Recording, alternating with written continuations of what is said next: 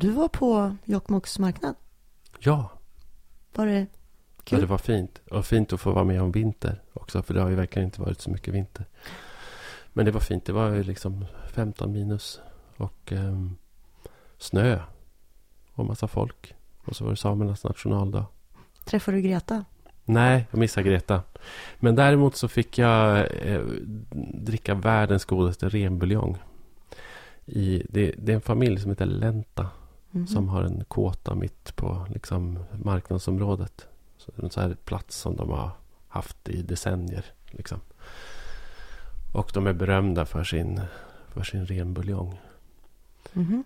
Ehm, den var bara så otroligt god. Det Men är det liksom här- som man li- dricker livets- buljong som en kopp te? Ja, liksom? som Mm. en kopp. Och så Mm. doppar man det här samiska eh, mjukbrödet som är en slags tunnbröd. Lite tjockare tunnbröd. Jag antar att polarkakan kanske liksom är baserad på, på, den där, Mhm. på det där brödet som heter gaku. Och så doppar man det i den här renbuljongen. Otroligt gott. Verkligen eh, sådär uppfriskande och mättande. Och så plus att det var mysigt att sitta i den här kåtan. För att jag, eh, jag hade jobbat hela dagen och så var jag lite hungrig. Så gick jag in där. Och, så, eh, och då satt eh, Jonas Fröberg där som jobbar på DN. Som var på Svenskan tidigare. Som verkligen är den som har skrivit de bästa artiklarna tycker jag också. Om, om samefrågor. Mm. Både i Svenskan tidigare. Där han skrev om liksom, gruvkonflikter och eh, ja, lagstiftning och Girjasdomen och det ena med det andra. Och sen nu i DN också. Satt ni där och bondade över en kopp renbuljong? Precis. Två, två murvlar som möttes i Sameland. I en, I en kåta. Okej. Ja. Ja, mysigt. Ja. Men man känner också i det läget så därför att vi satt ju där med familjen som sålde buljongen. Och som också är liksom ja, men så himla glada för att sådana som jag och Jonas är där. Liksom. Och ser vad som händer. Och så.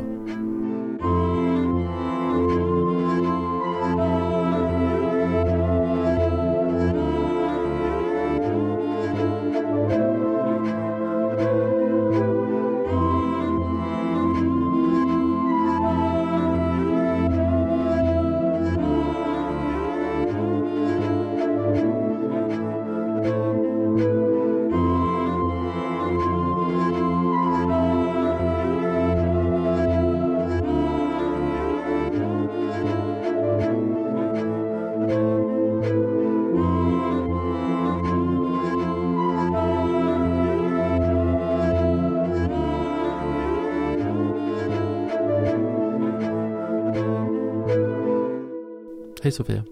Hej Po. Ja. Hör du, vi måste ju verkligen ta ett grepp om detta med Girjasdomen och eh, vad det betyder för, för den samiska frågan. Ja, och också försöka reda ut och förklara för våra lyssnare vad det, vad det handlar om. Ja, från, det från början ja, till, till, till slut.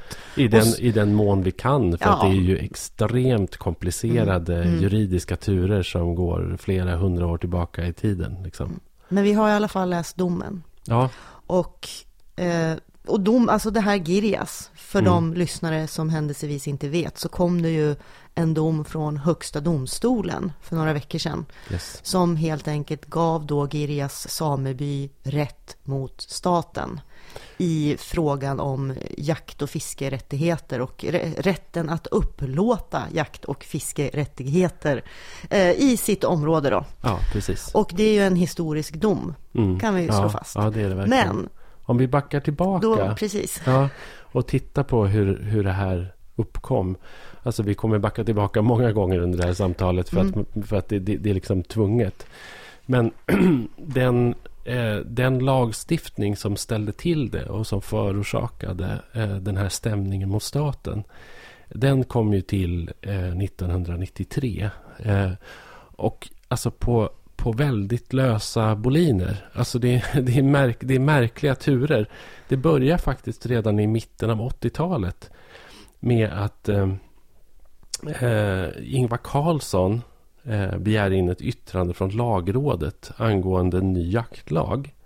Och det konstiga är då att eh, en tjänsteman helt på eget bevåg och utan att lagrådet hinner ta ställning till det innan det klubbas eh, skriver in i marginalen ordet markägarens. Eh, alltså, och det, här har, det här får då en väldig betydelse därför att i det här fallet så likställer det på något sätt eh, markägaren med den som har eller det, det, det sätter frågan om urminneshävd ur spel. Kan nu, man nu säga. krånglar vi redan Nu, till det här. det blir redan Ja. krångligt. Men, men, men, men liksom, Vi ska, gå djup, vi ska gå in på det där med Men- urminnesrätt senare. men, men det som händer sen är att, att det, liksom, det kommer ett antal olika lagförslag. Och anledningen till att de kommer till i sin tur har att göra med en utredning som tillsätts efter ett annat berömt mål där Högsta domstolen dömde till samernas nack, nackdel i, i eh, ett mål som heter Skattefjällsdomen som också pågick i, i ett decennium i princip. Och där det var en annan sameby eh, som faktiskt krävde att ses som markägare till, eh, Eh, till markområden som de tidigare hade eh, betalat skatt för. Men där fick de nej, men då tillsattes det en utredning och den utmynnade då i eh, ett förslag på att man skulle faktiskt då skapa ett sameting som då skulle ha ett visst självbestämmande. Och förslaget ursprungligen där var då faktiskt att det här sametinget skulle administrera fisk, eh, jakt och fiskerättigheter. Men, men det blev inte så, utan hips vips så eh, blev det en borgerlig regering i Sverige i början av 90-talet. Och eh, eh 1992 då så läggs det fram en proposition eh, som eh, helt plötsligt föreslår att jakten och fisket ska släppas fritt i, i liksom, eh, samernas område i Sápmi.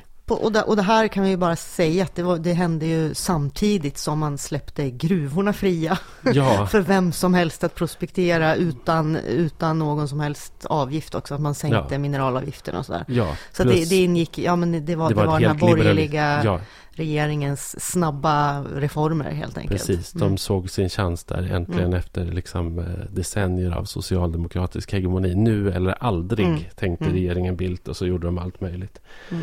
Eh, och det här blev ju enorma protester där under 92 när, den här, liksom, när det här lagförslaget skulle behandlas.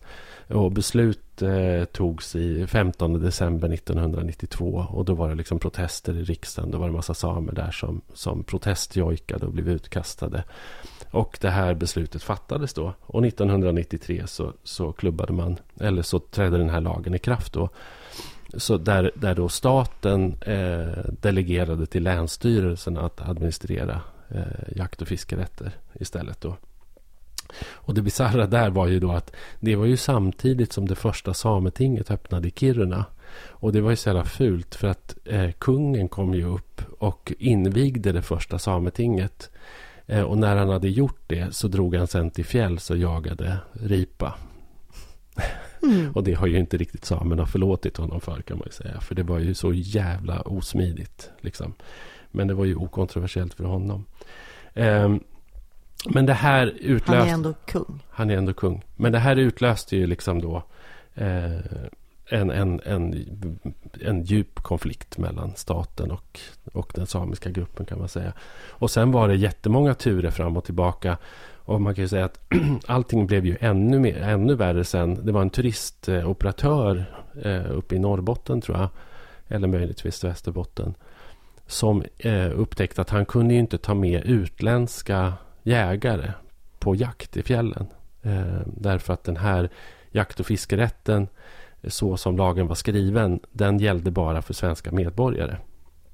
Eh, och då hamnade det här på EUs bord som då eh, dömde för, eller inte dömde, men fick svenska staten att luckra upp det där. Så helt plötsligt så hade vi gått ifrån avsikten då att samerna skulle äga jakt och fiskerätten till att jakt och fiskerätten i den svenska fjällvärlden var öppen för alla EU-medborgare. Mm. Och det är en ganska extrem liberalisering kan man säga av de här rättigheterna. Och i det läget så stämmer då Girjas staten. Och den var 2007 va? Ja, Mm. och, och sen så har det ju princip pågått en rättstvist sedan dess. Eh, först så liksom staten ville överhuvudtaget inte ha det där så de liksom avvisade Girjas krav. De tyckte inte att den skulle gå upp i rätten. Och sen så är det ju justitiekanslern som har drivit den här frågan då genom tingsrätt eh, och kammarrätt. Eller hovrätt kanske det är. Eh, jag kommer inte ihåg. Och sen så nu upp i Högsta domstolen. Och sen så kom den här domen. Och det man kan säga är att tingsrätten dömde till samernas fördel.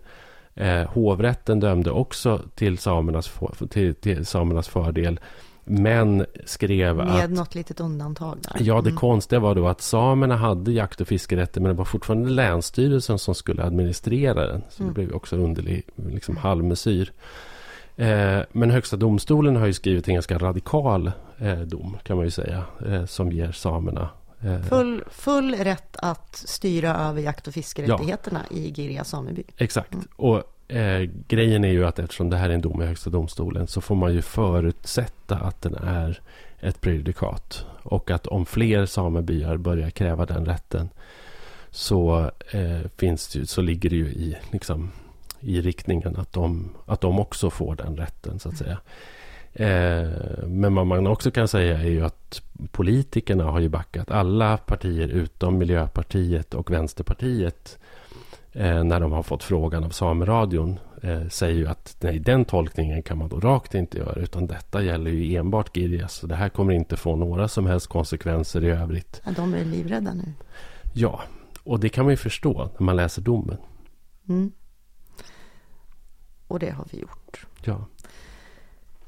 Eh, och, och det, är ju, det, är, det är många, det är ju, vad är det, 79 sidor ja. eller något. Ja, det, det, och den, eh, vi kan ju säga så här, att vad rätten har gjort, det är ju alltså att man har gått tillbaka historiskt. Till medeltiden? ja, ända tillbaks till medeltiden. för att, eh, eh, eftersom det handlar ju, det handlar ju om, om urfolksrättigheter, mm. sedvanerätt, sådana ja. saker. Och då gäller det att se Fanns det samer här på medeltiden? Fanns det, vad hade staten för inflytande? Vem ägde den här marken på mm. medeltiden? Mm. Hur såg relationerna ut? Precis. Och, och, till saken hör ju också att eftersom det här är en urbefolkning så har ju de inte skriftliga källor att åberopa i, i någon större utsträckning. Utan det finns ju liksom eh, det finns ju, vad ska man säga, svenska källor, juridiska källor. Det finns eh, liksom diverse uppteckningar och, eh, och sådär. Men, men ehm, det är inte som att, som att den här liksom, eh, nomadiserade gruppen människor som har flyttat runt har, har liksom eh, de har inte slagit ner sina bopålar någonstans. De har inte liksom, eh, det finns inget centralt arkiv liksom, där det förvaras dokument från 1500-talet och framåt. Det är inte så det funkar. Liksom. Nej, så så vad, vad, man, vad man då har kommit fram till ändå, det, det har ju att man har också utgått ifrån statens dokument, alltså statlig historia mm. och kommit fram till att på medeltiden, det finns inga bevis från medeltiden eh, på att staten skulle ha befunnit sig i det här området, ha, haft några anspråk eller inflytande överhuvudtaget. Det fanns inga nybörjare eller alltså, nybyggare mm. i det här området före 1500-talet. Ja, eller egentligen kanske faktiskt Nej. från 1600-1700-talet. Ja, egentligen. Det, det, det, finns, det finns en punkt där det står att eh, år 1750 så mm. fanns det två nybyggare i det här området. I Girjasområdet. Ja. Och det är ju då eh, så att säga, dokument, dokumentation från staten mm. som man har gått på. Eh, och sen har man helt enkelt gått på muntliga berättelser. Alltså Högsta domstolen har rotat i arkiv här, kan man säga. Ja, verkligen. Och, och, och sen så eh, vilar de ju, jag menar, de lutar sig också väldigt mycket mot tidigare lagtexter och mm. förordningar och dekret som har utfärdats och sådana saker. En, en sån här eh, viktig sak som man återkommer till och som, som jag vet att vi också har haft uppe i podden när vi har pratat liksom om den norrländska förhistorien. Det är ju den här saken då som Gustav Vasa säger. Vad är det 1542 eller något sånt där. Va? När han säger att eh, sådana ägor som obyggda ligger höra Gud eh, och oss i Sverige, Sveriges krona till. Och ingen annan. Eh, och det där, eh, det där tolkar man ju och, och, även Högsta domstolen tolkar ju det som att, som att det är eh, precis i det ögonblicket som, som eh, på något sätt Sverige formas och eh, hela liksom det, den norrländska eller den norra delen av Sverige på något sätt juridiskt inkorporeras i det svenska riket. Mm. Innan dess är det ju slags ödemark det intressanta här, och det, det, det, vet jag att vi har pratat om i något av de absolut första avsnitten vi gjorde, som, där vi pratade om liksom samernas historia också, är ju att samerna spelade ju en jätteviktig roll för den svenska kronan, för den svenska staten. Eftersom om man betraktade samerna som svenskar eh, och som skattebetalare så hade vi också då en närvaro i den där delen av, av vårt land. Mm. Som ju annars då hade kunnat liksom i princip claimas av Norge eller Finland eller kanske Ryssland till och med. Mm. Eh, så att samerna spelade en väldigt viktig roll. Och det, det intressanta när man tittar på de här källorna också, det skriver ju Högsta domstolen, är ju också att samerna hade ganska hög status. Eh, alltså de var ganska viktiga. Eh, mm. och länge verkar det liksom finnas en gemensam respekt och en slags nästan jämlikhet mellan den svenska gruppen och den samiska gruppen i den där delen av landet. Ja, om man bortser från, från alltså sånt som tvångskristnande eh, och, och, och, den delen ja, som, som man ägnade sig åt. Ja, det kom ju senare, men även, ja. även under jo. den tiden, för det var ja, ändå precis. ganska tidigt. Även under den tiden så hade, så hade samerna fortfarande, det vill säga de här rättigheterna till till eh, landet och marken att bedriva renskötsel. Mm. Alltså deras yrkeskunnande, deras sätt att leva, eh, förutom religiöst då, respekterades ändå ganska långtgående, mm. ganska länge. Eh, det som också är intressant, apropå vad vi också har pratat om i många tidiga avsnitt av podden, det är ju att Högsta domstolen konstaterar upprepade gånger och liksom talar om kolonisationen ja. av Norrland som ett ovedersägligt faktum. Mm. Verkligen. Eh, där de också ringar in det med olika datum för när saker har börjat och mm. slutat och vilka, vilka, områden man har koloniserat och hur det har gått till. Mm. Eh, vilket är jätteintressant. För det är inte ofta man hör det från någon högre instans. Så här Nej. att vi har koloniserat Norrland. Ja, men, men Högsta nu, domstolen nu är väldigt näst, tydliga. Ja, mm. precis. Mm. Jo, jag vet ju hur mycket skit jag fick när jag liksom började prata. Och, jag, och hur mycket jag liksom också tvekade själv. Eh, liksom när jag jag menar när jag började skriva om norrländska frågor. Jag gav ut Norrland-boken där för, för åtta år sedan. Liksom, att att prata om Norrland som en koloni och om Norrlands liksom, koloniala förhistoria och sådär. Liksom, det utlöste en viss skam hos mig för att jag tyckte att det var lite väl dramatiskt nästan. Och ibland fick jag ju också skit för det. Men nu, nu är det ju juridiskt fastslaget kan man väl säga. Mm. Att, det, att det faktiskt är så. Och det där accelererar ju också för att eh, framåt 1700-talet så, så behöver liksom också den svenska nationen eh, mera utrymme. Det här, är ju, det här är också något som vi har pratat om eh, ganska mycket. Och det handlar ju liksom om det handlar ju om, eh, om vi går tillbaka till 1600-talet så handlar det ju om liksom misslyckade liksom kolonialmaktsförsök i, i Västindien och i USA där vi hade en, en, en koloni vid Delawarefloden där. Men också eh, verkligen också förlusten av Finland eh, 1809 var väl det. Liksom, som också Sådär. Och där Tegnér skaldade då liksom med det här stora diktverket Svea om att nu måste vi hitta eh, Finland inom Sveriges egna gränser här. Liksom. Och det var det i Norrland han syftade på. Och då eh, där liksom på 16, 17, 1800-talet så, så liksom intensifierades ju också de här kampanjerna med olika subventioner och incitament för att få människor att flytta norrut och bli nybyggare även i, i samiskt land. Och där finns det också en hel del skriftliga källor som återigen är väldigt liksom, så här försiktiga och respektfulla. Att ja, man kan tänka sig att man tar upp nybyggen eh, liksom, i, i samiska områden. Men det måste verkligen ske i samråd med samerna och med stora hänsyn till samerna och sådär. Och att det, att det redan då också fanns den här tydliga uppfattningen att samerna hade en på sedvana grundad rätt att använda områdena och marken för sina, ja. sina näringar. Som ju då var, eh, förutom renskötsel, även jakt och fiske. Ja, och viss odling också faktiskt. Ja. För att väldigt många nybyggare var ju också samer som slog sig ner och liksom lämnade den nomadiska livsstilen. Så mm. det var ju... Och då kommer vi in då på det här med samebyar. Ja. Och, och den första, eller den, en ren, det, kom fler, det kallas så för renbeteslagar som kom flera stycken med jämna mm. mellanrum. Men en då som Högsta domstolen går tillbaks till, återkommande i hela domen, det är den som skrevs 1886. Ja.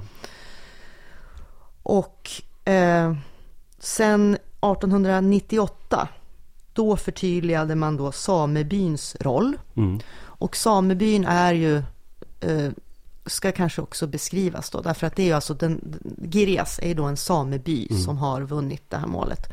Och en sameby är ju alltså inte en geografisk plats som en by, utan det är en ekonomisk förening som Ja. har rätt att driva renskötsel. För att få vara medlem i en sameby så måste man ägna sig åt rennäring. Ja. Och det, här, Ehm. och det här skrev man ju vissa kriterier för i början. Och det, och det var att man skulle då traditionellt ha ägnat sig åt renskötsel tidigare. Problemet är ju att när staten gjorde den här skrivningen så gjorde de också en distinktion mellan olika typer av samer. Eh, Och där man kan säga att alla de eh, rättigheter som då erkändes den samiska gruppen gavs enbart till renskötande samer och inte till andra samer. Precis, så de här urfolksrättigheterna så att säga, Ja. eller sedvanerätten tillför bara dem.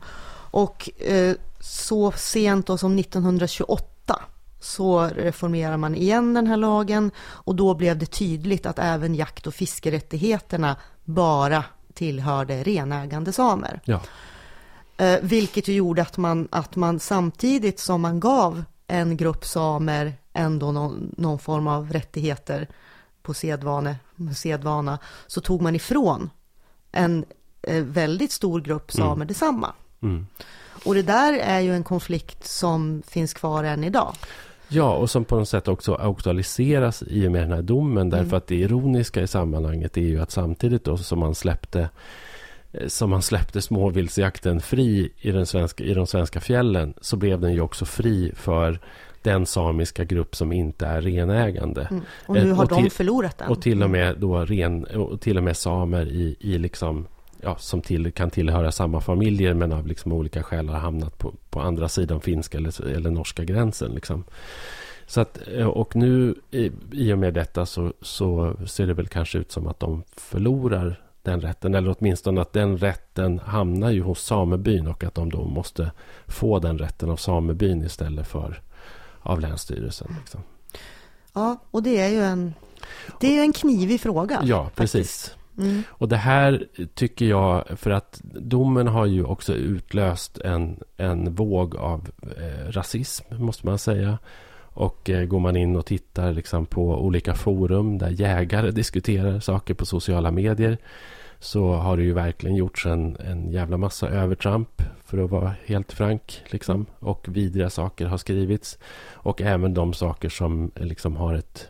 Även det som skrivs som har ett rimligt språkbruk kan jag tycka är ganska problematiska. Därför att det här handlar ju då liksom om att ja, eh, sär, särintresset, jägarna, eh, tycker att de liksom står inför en stor förlust här. Liksom. Och då använder man eh, splittringen i den samiska gruppen för att argumentera för sin egen sak. Och det tycker jag också är lite osnyggt. Eh, Det är det liksom. ju och samtidigt är det ju inte, alltså i den här då konflikten mellan, mellan renägande och icke renägande samer Eh, så är det ju lätt att göra den också till en, till, ja, som de här hatarna gör nu då, liksom att ja men samerna kan inte ens hålla sams eller eh, de, de här renägande samerna förtrycker de som inte är det och sådär.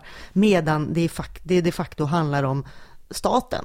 Det är staten som har Exakt. skapat den här splittringen. Det är skapen, staten som har valt att göra en grupp privilegierade och att diskriminera en annan. Eller, ja, man ska Ja. inte använda ordet privilegier tror jag. Nej, för, men att, för det är inte det det handlar om. Men rättigheter. Nej, men ge Ja, dem rättigheter. Ja. Eh, men inte den andra. Nej. Eh, och, och sen så blir det ju ändå de här personerna som, som drabbas som, eh, Mm. Som så att, skulden, jag menar, är det, någon, skulden är det några som ska ha skit så är det ju verkligen, så är det ju verkligen staten. Mm, mm, Och staten har ju inte städat i detta. Utan staten har ju hela tiden varit extremt ambivalent. mm. Eh, och där har ju till exempel Svenska kyrkan gick ut för några år sedan och liksom, eh, de gjorde väl inte en, gjorde de en vitbok till och med. Men de, de gick ut och bad liksom offentligt Ja, om ursäkt ja. för hur den samiska Det gruppen är i inte Sverige så hade. jättelänge sedan. Nej. Ehm, var det Caroline Krook kanske?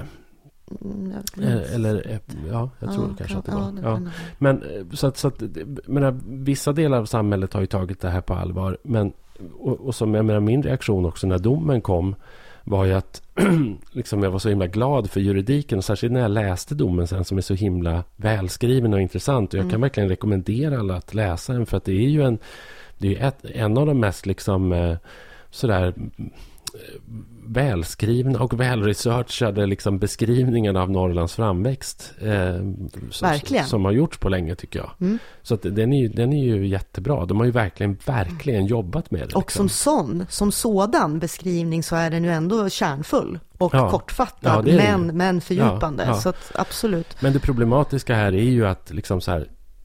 Ja, det, det ja, tack, tack gode gud för juridiken då. För att politiken har ju inte gett den här frågan rättvisa. Men jag Eh, älskar ju juridik av den här anledningen. Eh, alltså det, det gör jag verkligen. Samtidigt blir man ju häpen. mm, Eh, Alltså när man läser, man ser hur, hur juridiken då har, har, har gjort de här bedömningarna.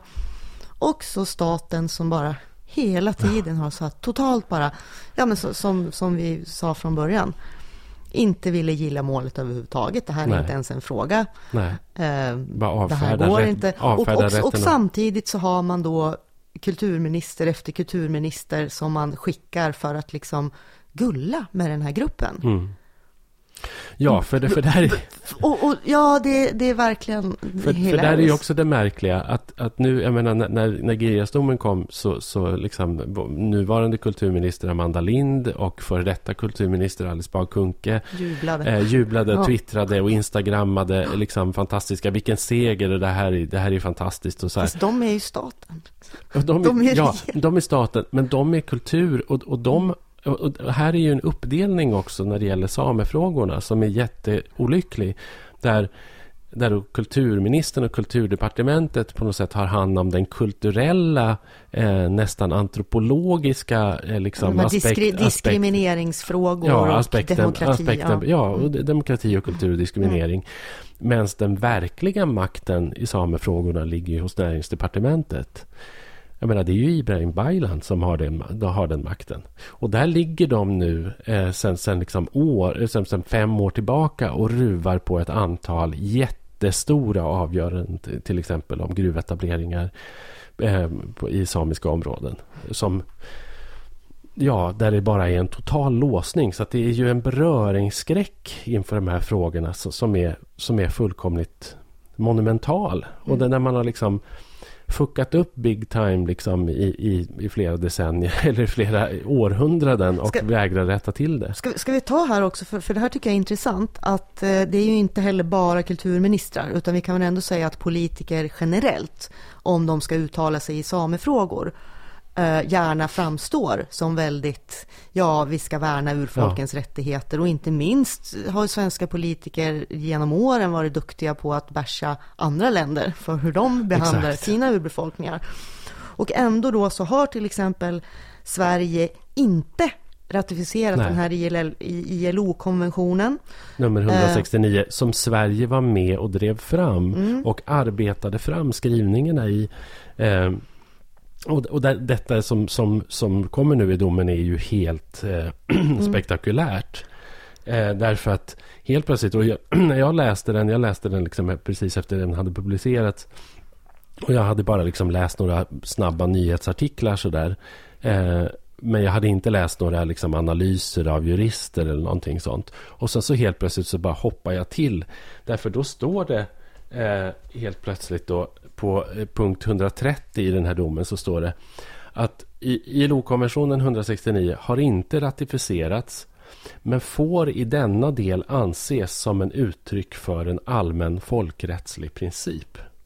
Eh, vilket ju innebär att även om Sverige inte har ratificerat den här konventionen så bör vi eh, liksom arbeta för efterlevnad.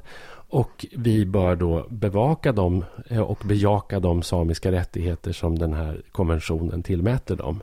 Mm. Eh, vi, vi- ska fortsätta på den, men eh, här är det också läge att säga då att delvis därför som det här har dragit ut så mycket på tiden, men Högsta domstolen konstaterar ju också att i så att säga den svenska lagstiftningen i lagtexten så finns det inget egentligt stöd för att samerna ska ska, ska få rätt i det här fallet. Men om man utgår då ifrån ILO-konventionen och FN-konventionen om mänskliga rättigheter plus konventionen om medborgerliga och politiska rättigheter och urfolks rätt till land, territorier och resurser och en allmän folkrättslig princip. Då Ja, så är det, det är det man har byggt det här, den här domen på. Ja, Och det är otroligt intressant. ja. Plus, Och eh, vad- ja, plus diskussioner om urminneshävd ska man Ja, väl och då kommer vi väl då, det här med urminneshävd Ja. och den här skrivningen i domen, vilka konsekvenser det kan få På längre fortsättningsvis. sikt, ja. ja det är ju väldigt intressant. kan ju flika in också att Sverige varje år får kritik från FNs rasdiskrimineringskommission. Liksom, kommission. Ehm, För hur vi behandlar vår, ur, vår urbefolkning. Ja, Ja. och så att vi har ju verkligen liksom, vi ligger jävligt dåligt till Mm. eh, där, måste man säga. Vilket är extremt pinsamt. Mm. Ja, vilka konsekvenser kan det här få då? Det kan ju få, alltså, tänker man sig framtida domar som vilar på den här och som vilar på den här skrivningen om ILO 169 Ja, då kan det ju bli bråk om man till exempel tänker sig då att eh, näringsdepartementet får ändan ur och eh, bestämmer sig för att ge eh, tillstånd till gruvan i Gallok. Eh, där det här liksom då, eh, vad är det, brittiska bolaget eh, eh, Beowulf Mining vill, vill st- starta då en, en stor järnmalmsgruva utanför Jokkmokk. Eh, och eh, den sameby som då är drabbad, eh, där familjen Lenta för övrigt ingår, Mm. som kokar den goda renbuljongen. Mm. Eh, så jag är helt korrupt nu efter att ha druckit den. Men eh, så då, då kan man ju tänka sig att en process eh, där juridiken lutar sig mot den här domen den kan ju bli väldigt komplicerad för den svenska staten.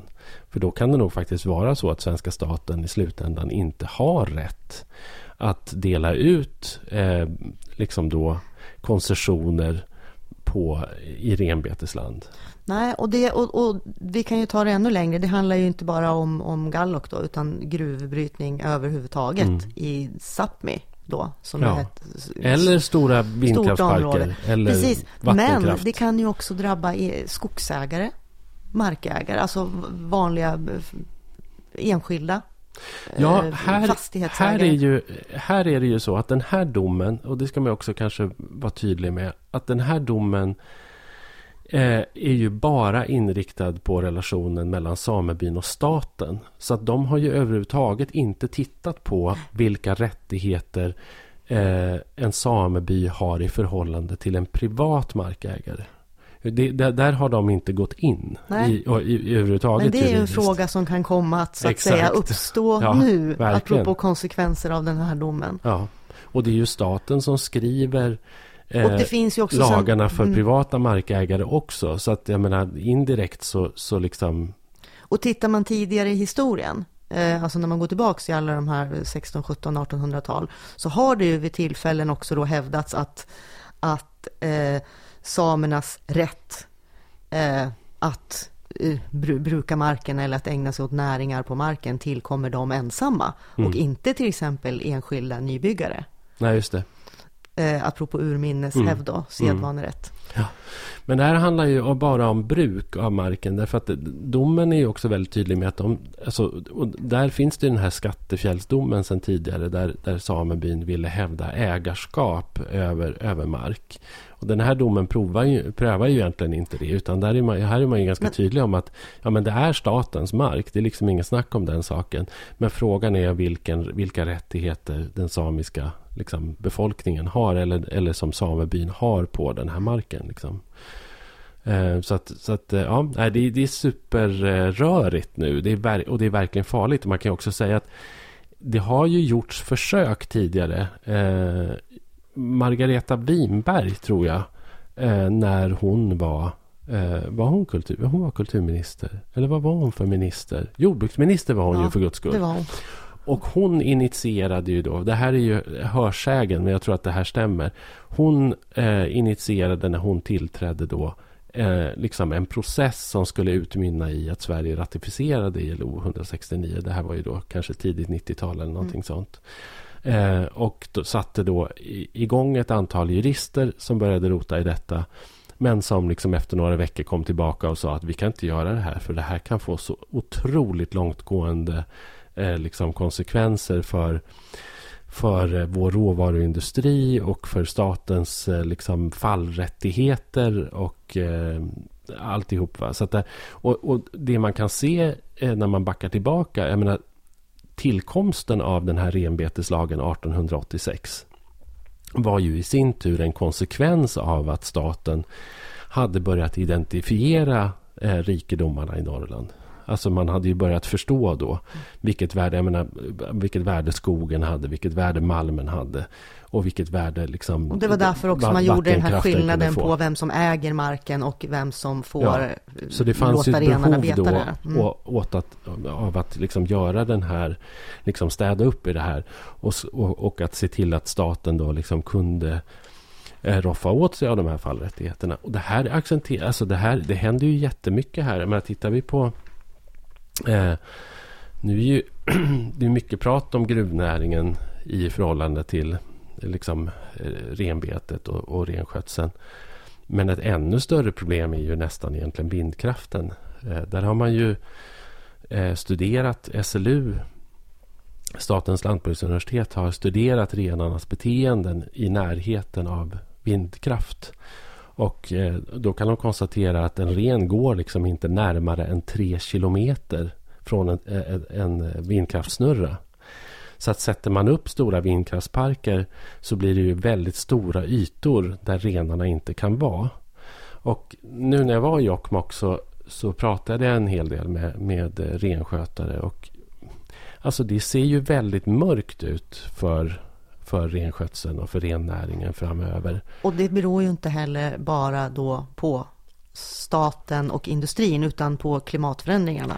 Exakt, så, mm. så, i år till exempel så är det jättemånga som har sina renar inhägnade. De går alltså inte fritt och betar utan de är inhägnade och blir utfodrade med, med köpt foder istället från lantmännen. Därför att eh, det regnade så mycket i höstas så att det ligger liksom en pansaris över betet helt enkelt. Så renarna kommer inte åt det. De kan inte liksom krafsa bort den där isen och äta. Eh, och det kommer ju bli vanligare och vanligare såklart. Flyttlederna blir förstörda därför att eh, tidigare så har man ju ofta gått över isar. Gått över isar, flyttat över sjöar, gått längs älvar till exempel. Det kan man inte göra längre för att isarna är för bräckliga. Eh, sen är det också så att det här liksom extensiva skogsbruket har gjort att de skogar som har lavar till exempel, vilket ju måste vara äldre skogar, har blivit så få.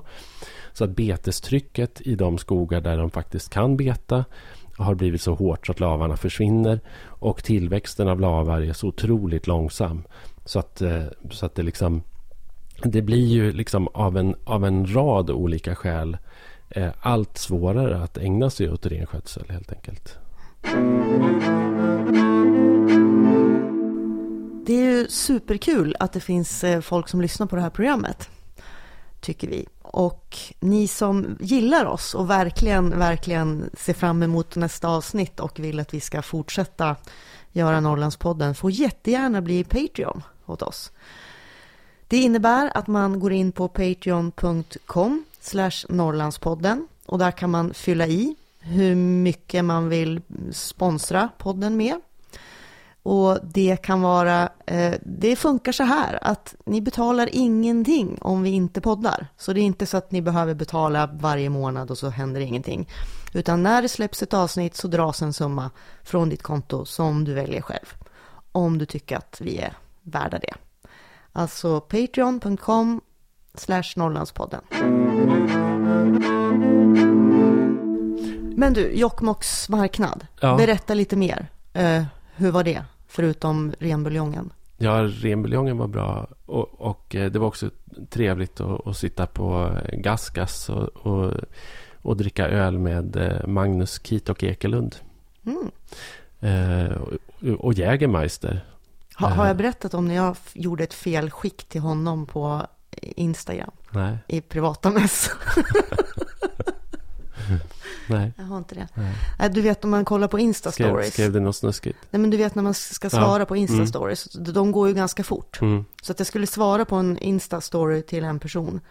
Och så hann det bytas till mm. hans Insta-story. Ja, ja. Så att mm. det var han som fick något sånt här med nål eller älskling eller något sånt där. Alltså det var till mitt barn. Men det kunde lätt missförstås. Jag upptäckte ju det här rätt snabbt och skrev oj hjälp det där blev fel skick och han mm. svarade att men jag tyckte det var jättegulligt. Ni kan Ja. tro. Mm, fortsätt. Vad härligt. Jo, men det, det, var, eh, det var roligt. Men jag var ju också där för att jobba. Jag var med på, jag var med på en dag som heter Arctic, Arctic Talks. Som, som är liksom, jag tror att de startade det med någon slags ambition att det skulle vara lite sådär Norrlands Almedalen kanske. Eller sånt där. Men nu är det ja, men typ en dag. Och det är eh, Region Norrbotten som, som ordnar eh, tillsammans med andra. Och det var ju väldigt sådär näringslivstillvänt. Liksom det handlade om innovationer och det handlade om eh, eh energiframställning och det handlade också om bilden av Norrland och bilden av Norrbotten. och, eh, så att jag mm, pratade om det. Eh, det var en del saker eh, som, som var lite jobbiga tycker jag med det där. Och det var ju dels att, att eh, det liksom inte fanns någon samisk representation under den här dagen. Så att den, den eh, vinkeln, den S- aspekten. säger du, hallå, det fanns ingen samisk representation. Det här var i Jokkmokk. Det var i Jokkmokk. Under, under Jokkmokks marknad och Det var dessutom i, på liksom Aite eller Aja som är konferensanläggningen i anslutningen till, till det samiska museet. på samernas nationaldag. På samernas nationaldag. Mm. Det var kanske lite... Jag vet inte hur man ska tolka det. Det kanske bara var obetänksamt eller, eller också så eh, visar det på ett strukturellt problem. Det, det, kan ju, det kan ju kanske Region Norrbotten fundera på. Eh, möjligtvis. Mm, fortsätt. En annan sak var ju att eh, jag nämnde eh, Gallock vid ett par tillfällen. Och eh, fick då veta att vi pratar inte om Gallock här. Därför att den frågan är för känslig helt enkelt. Eh, eller som det sades också så här att eh, det får vi ha ett helt eget seminarium om vid något helt annat tillfälle. Det här är inte rätt tid och rätt plats för att prata om det. För, bara kort för våra lyssnare som inte vet, men Ja. Gallok, den gruvan som Exakt. prospekterar, det är alltså i Jokkmokks kommun. Ja, precis. Det är ju då Beowulf Minings eh, liksom, eh, tilltänkta gruva som ligger Mm. utanför Jokkmokk i, i eh, renskötselområde. Mm. Eh, och som, om man pratar med den samiska gruppen, kommer få väldigt stora konsekvenser för, för rennäringen. Eh, jag tror ju också... Eh, jag, jag väljer nog att inte lägga mig i vare sig den konflikten eller eventuella miljökonflikter. Utan, utan det som jag snarare är intresserad av att prata om där eller som jag tycker är kanske en mer, en, en mer verkningsfull argumentation det är ju att jag inte tror att Jokkmokks kommun kommer tjäna på detta. Eh, alltså gruvan enligt Beowulf själva kommer att ha en livslängd på kanske 15 år. Och med den rationaliseringstakt som, som finns i den branschen så kan den tiden mycket väl bli kortare. Eh, och dessutom så är liksom mekaniseringen och robotiseringen så stor i den där näringen också så att det krävs inte särskilt mycket anställda. Jag tror vi har pratat enkelt. om det här i något Ja, avsnitt tidigare, just om de, de fin- här argumenten. Ja, det har vi. Och Mm. det, det är också så att kommunen för flera år sedan beställde en samhällsekonomisk analys av en extern Ja. konsult som kom fram till att det var i princip plus minus noll. Mm. Men eftersom Jokkmokks kommun är en socialdemokratiskt styrd kommun eh, och sossar har en tendens att betrakta gruvjobb som riktiga jobb och turistjobb eller jobb i, i rennäringen som inte riktiga jobb så, så, så brinner de verkligen för den här gruvan och tycker att den är jätteviktig. Mm. Liksom. Basindustri. Ja, basindustri, det, det, det, det får det liksom, Det det, får tårna att krullas på sossarna. Eh, så att det, det, det, det där var ju, det var ju ytterligare en sån där sak som, som eh, var, lite, var lite knepigt tycker jag kanske. Eh, men men annars, annars, var det ju, annars var det ju spännande och intressant. Liksom. Mm. Ja, eh, jag vet inte. Det, det finns ju, det finns ju givetvis liksom 10 000 saker till att, att, att säga om det här. Men, men just den här eh, Just den här låsningen kan jag tycka är intressant. Den här både politiska och sociala låsningen när det gäller det här. Och det här, det här handlar ju liksom om Norrlands det handlar ju om Norrlands framtid i slutändan. Liksom vad, vad Norrland eller vad Jokkmokks kommun eller Arvidsjaurs kommun eller Gällivare, Kiruna, vad de ska vara för typ av platser och vilka näringar som, som, som man ska leva på framöver. Jag, vet, jag, jag tror att jag har nämnt det tidigare i podden också, men jag, jag var i Berlin eh, förra våren på världens största turistmässa. Eh, och då gick jag på ett branschseminarium som hade rubriken eh, New Destinations in the Luxury Tourism Segment, hette det. Och jag hade ingen aning om vilka eh, liksom, destinationer de skulle prata om på det där seminariet. Jag tyckte bara att det var intressant. Jag kommer in där, det är en jättestor eh, liksom mässhall med jättemycket människor. Det sitter en panel där som består av olika branschmänniskor. Och jag tänker att de kanske ska prata då om liksom Bahamas eller Hotell Ritz i Paris eller sådana saker. Men nej, det är det inte. Utan de nya lyxdestinationerna inom det här lyxdestina- eh, lyxsegmentet. Det är då liksom det är faktiskt på riktigt då liksom eh, platser ovanför polcirkeln i Finland och i Kanada och i Sverige och i Mm. Norge. Eh, och och det, här, det här är en grej. Ja, och liksom. här kan vi också fy- fylla i att det har ju slagits nya besöksrekord Ja. för turismen Ja, i Swedish Lapland. Alltså deras Ja. statistik, den går ju rakt uppåtstigande kurva faktiskt. Mm. Eh, Det gör det även i övriga Norrland. Alltså Höga Kusten har också sett också nya besöksrekord år efter år efter år. Ja. Det är väldigt inne. Och Eh, Och, är det och, ga- och, dels, ja. och det är både, ska vi säga, utländska turister som kommer för den här jätteexotiska upplevelsen, men också svenskar som i allt mindre utsträckning vill åka utomlands mm. och kanske hålla sig lite mer på hemmaplan. ja Och, det- och det fortsätter, det kommer Ja, att fortsätta. Och det man kan konstatera då är ju om man tittar på liksom det bildmaterial som man tillhandahåller för de som ska köpa de här upplevelserna. så kan man säga att det är ju inga järnmalmsgruvor direkt på de bilderna.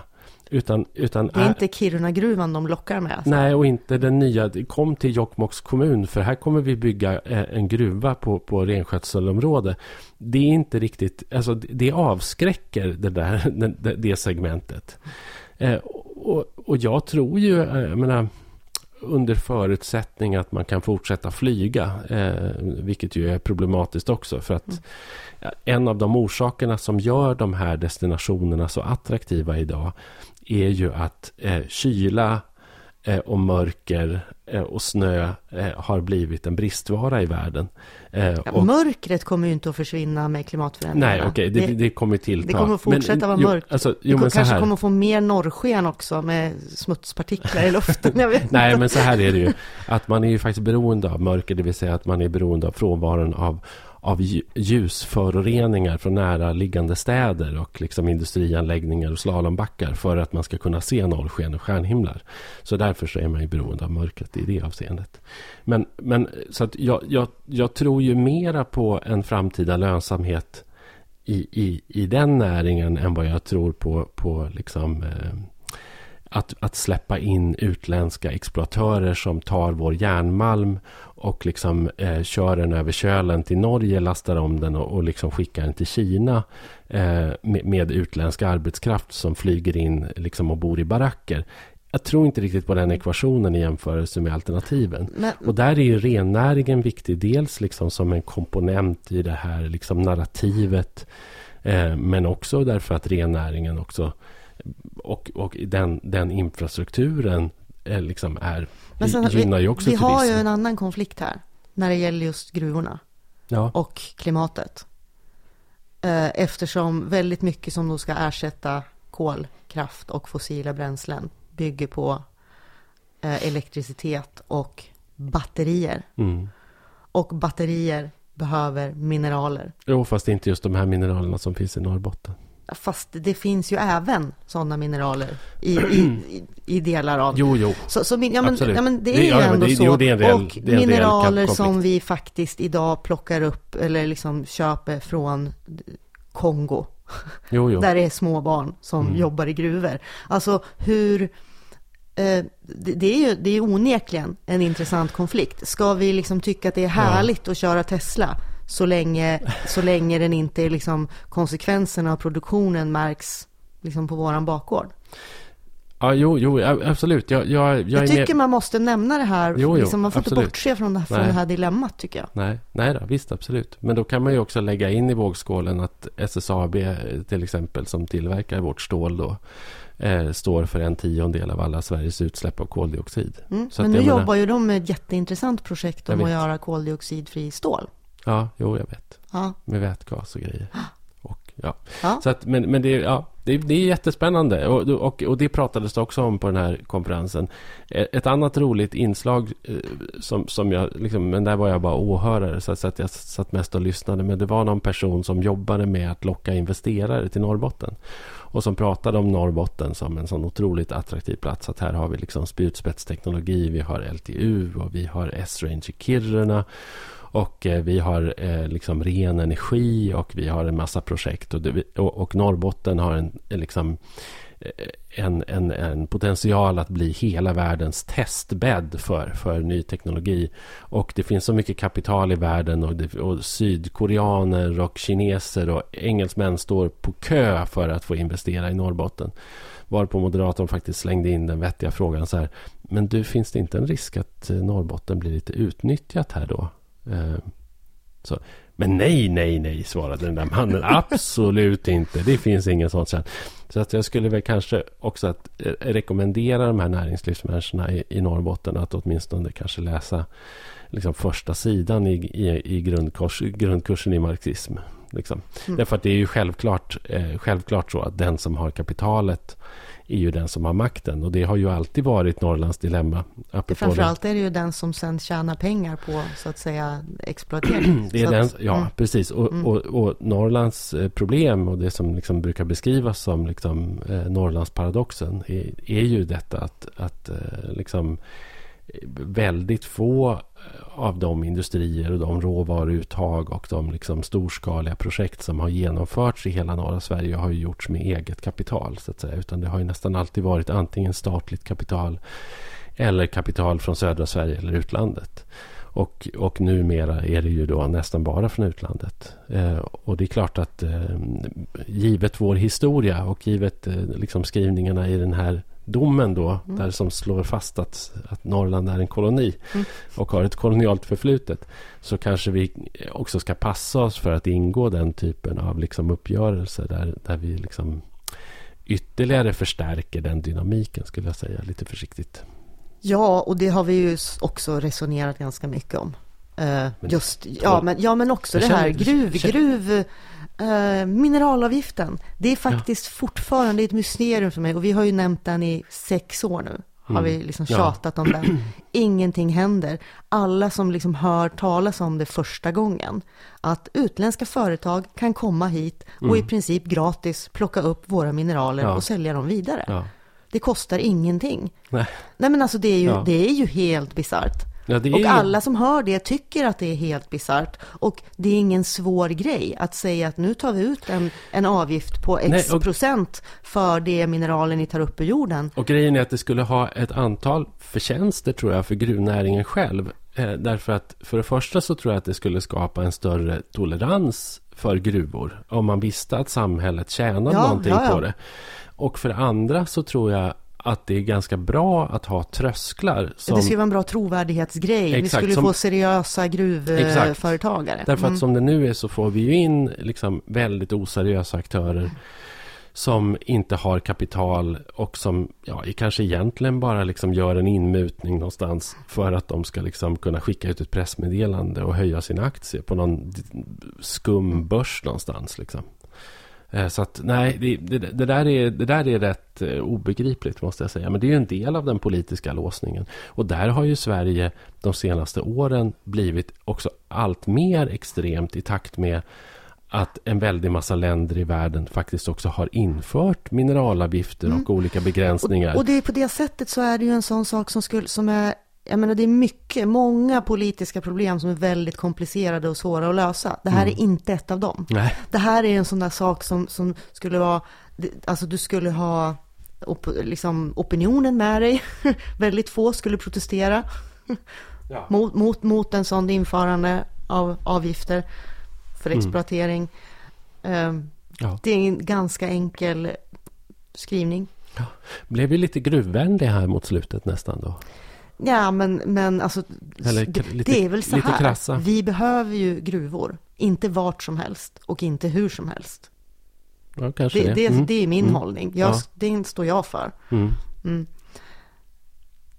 Ja, okej, okay, men ja, vi, vi, vi, säger det. Eh, att, att det är så. Eh, att vi behöver... Jo, men det, det, det, det gör vi väl. Absolut. Och eh, de... de men vi har ju också, herregud, vi står ju också hela tiden och bara, åh, det är vi som levererar järnmalmen. Ge oss någonting tillbaka. Mm. Det är ju inte som att vi vill lägga ner existerande gruvor.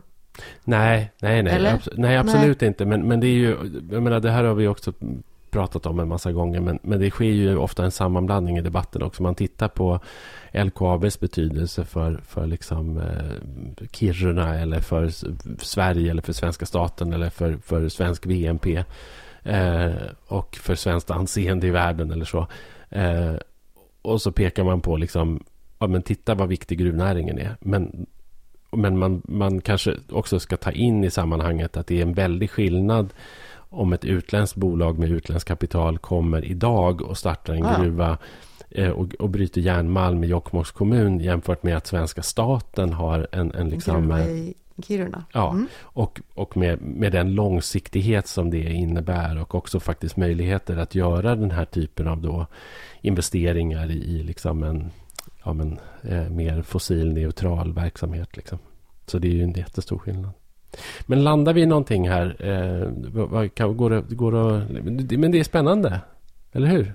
Alltså det är jättespännande. Jag, jag, jag känner att den här domen skulle man ju kunna grotta ner sig i ännu mer. Mm. Eh, men det kanske skulle vara lite tråkigt att lyssna på. Ja, men om eh, man får säga någonting mm. ändå, liksom, eh, om, om, det, om det är någon politiker som, som mot förmodan lyssnar på, på det här eller, eller så, eller en reflektion är ju i alla fall att politiken eh, borde ju med utgångspunkt i den här domen faktiskt bli lite proaktiv.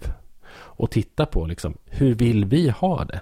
Alltså istället för att passivt invänta att, att varenda sameby i Sverige stämmer staten på olika grunder och att det blir ett mayhem liksom av, av eh, men inte det där, nu satte du ju fingret på någonting som är jättesymptomatiskt i svensk politik generellt på senare år. Att det är ingen som sätter sig ner och tänker i någon fråga. Hur, hur vill vi ha det, Nej, det och är, är proaktiv. Utan det är som att alla bara sitter ja. och väntar på att... Men det blir, alltså staten får ju också ett allt sämre förhandlingsläge ju längre man väntar. Det visar ju den här domen också. Att, att, att om staten hade gått liksom samebyn till mötes eller kanske liksom lyssnat på Sametinget redan på 90-talet och konstaterat att ja, men det, här, det här kanske blev lite snett. Jag, menar, jag, tror inte att, jag tror inte att den samiska gruppen är omöjlig på något sätt. Utan man, man, kan säkert komma överens om saker. Ja, och det är så, mycket, så, mycket svårare att reparera sånt som är trasigt ja. än att försöka hålla dem i, i, i skick. Liksom. Och där tycker jag liksom också, den, mm. när, när man gjorde de där enkäterna efter domen. Liksom, Eh, nu, är det, nu är det märk väl, det här är ju också intressant. Det, det är ingen eh, politiker i Sverige i princip, inte ens inom Sverigedemokraterna som ju tidigare uttalat sig på väldigt, väldigt bizarra sätt om, om samer och samiska rättigheter. Mm. Eh, och jag menar, där finns det ju liksom där finns det ju propositioner om att släppa rennäringen fri, fri för alla och en var och sånt där. Mm. Eh, så att och, och, och, samer är ju inte svenskar heller. Eh, Nej. Och det är ju inte judar heller för den delen. Men, men inte ens i den eh, liksom, politiska grupperingen var det någon som sa att den här Girjasdomen är dålig eller den är felaktig. Det har ingen vågat säga. Men ingen har heller vågat liksom, dra slutsatser ifrån den och konstatera att vi kanske borde korrigera saker i politiken. Nej, det har, det, vi har inte fått några ja, riktiga kommentarer miljö, överhuvudtaget. Miljöpartiet och Vänsterpartiet har ja. väl sagt det. Liksom mm. att det här är en positiv dom och eh, kanske borde vi nu titta på om eh, de rättigheter som nu liksom tillmäts Girjas sameby borde liksom eh, implementeras. Till, ja, Utan, det, för det ska Utan vi också ha klart för. De här rättsprocesserna kostar ju enorma summor pengar. Eh, Precis, vad är det? Stat, staten har ju fått betala eh, 100 miljoner, alltså, något sånt där rättegångskostnader va? jag tror inte det var så mycket, Nej. men det var bra många miljoner ja, i alla fall. Som det här, som det här kostar. Ja men, ja, ja, men det är många miljoner eh, kostar det här och all tid som läggs ner och så som man tänker att att rättsväsendet skulle kunna lägga på andra saker mm. kanske. Fast nu, nu vi, när vi har, ja men nu när vi fast har då hade vi den inte här, fått läsa den här fina Jo, domen. men nu menar vi fortsättningsvis mm. ja, alltså. Vi har den här ja. fina domen, eh, det kanske räcker med den. Ja. Okej, tack då.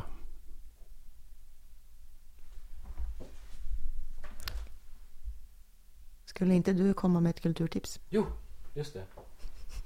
Eh, ja, precis. Här Ja, ligger boken. precis. Där är det. Och, och apropå, apropå denna fråga då, eh, så borde ju komma med ett kulturtips i, i, i, samma, i samma anda. Och det är en jättefin bok som Norstedts har gett ut. Den är av, eh, väldigt vacker. Den är väldigt, väldigt vacker. Mm. Den är skriven av Elin Anna. E- Elin Anna. Eh, och den heter Herrarna satte oss hit om tvångsförflyttningarna i Sverige. För det är ju också så att eh, i, och det nämnde vi ju inte i det här avsnittet, eh, men vi har ju hela historien med skallmätningar och rasbiologi och tvångsförflyttningar och det ena med det andra. Alltså det är liksom Svenska staten har ett ganska stort ansvar. Men det här är en, en skildring av, av eh, hennes släkt. Eh, och de tvångsförflyttningar som, som drabbade den. Och hon har ret, liksom, Som en Ednan fast, Ja, utan, ganska fast poe- inte på poesi. Nej, men den är poetiskt skriven tycker jag. Ja. Och eh, det, är, det är foton och det, är- hon har gått till arkiv. Och, eh, eh, den, ja, Väldigt, väldigt fin. väldigt, väldigt fin bok. Mm. Den kan vi verkligen rekommendera. Herrarna satte oss hit om tvångsförflyttningarna i Sverige av Elin Anna Labba. Tack för idag.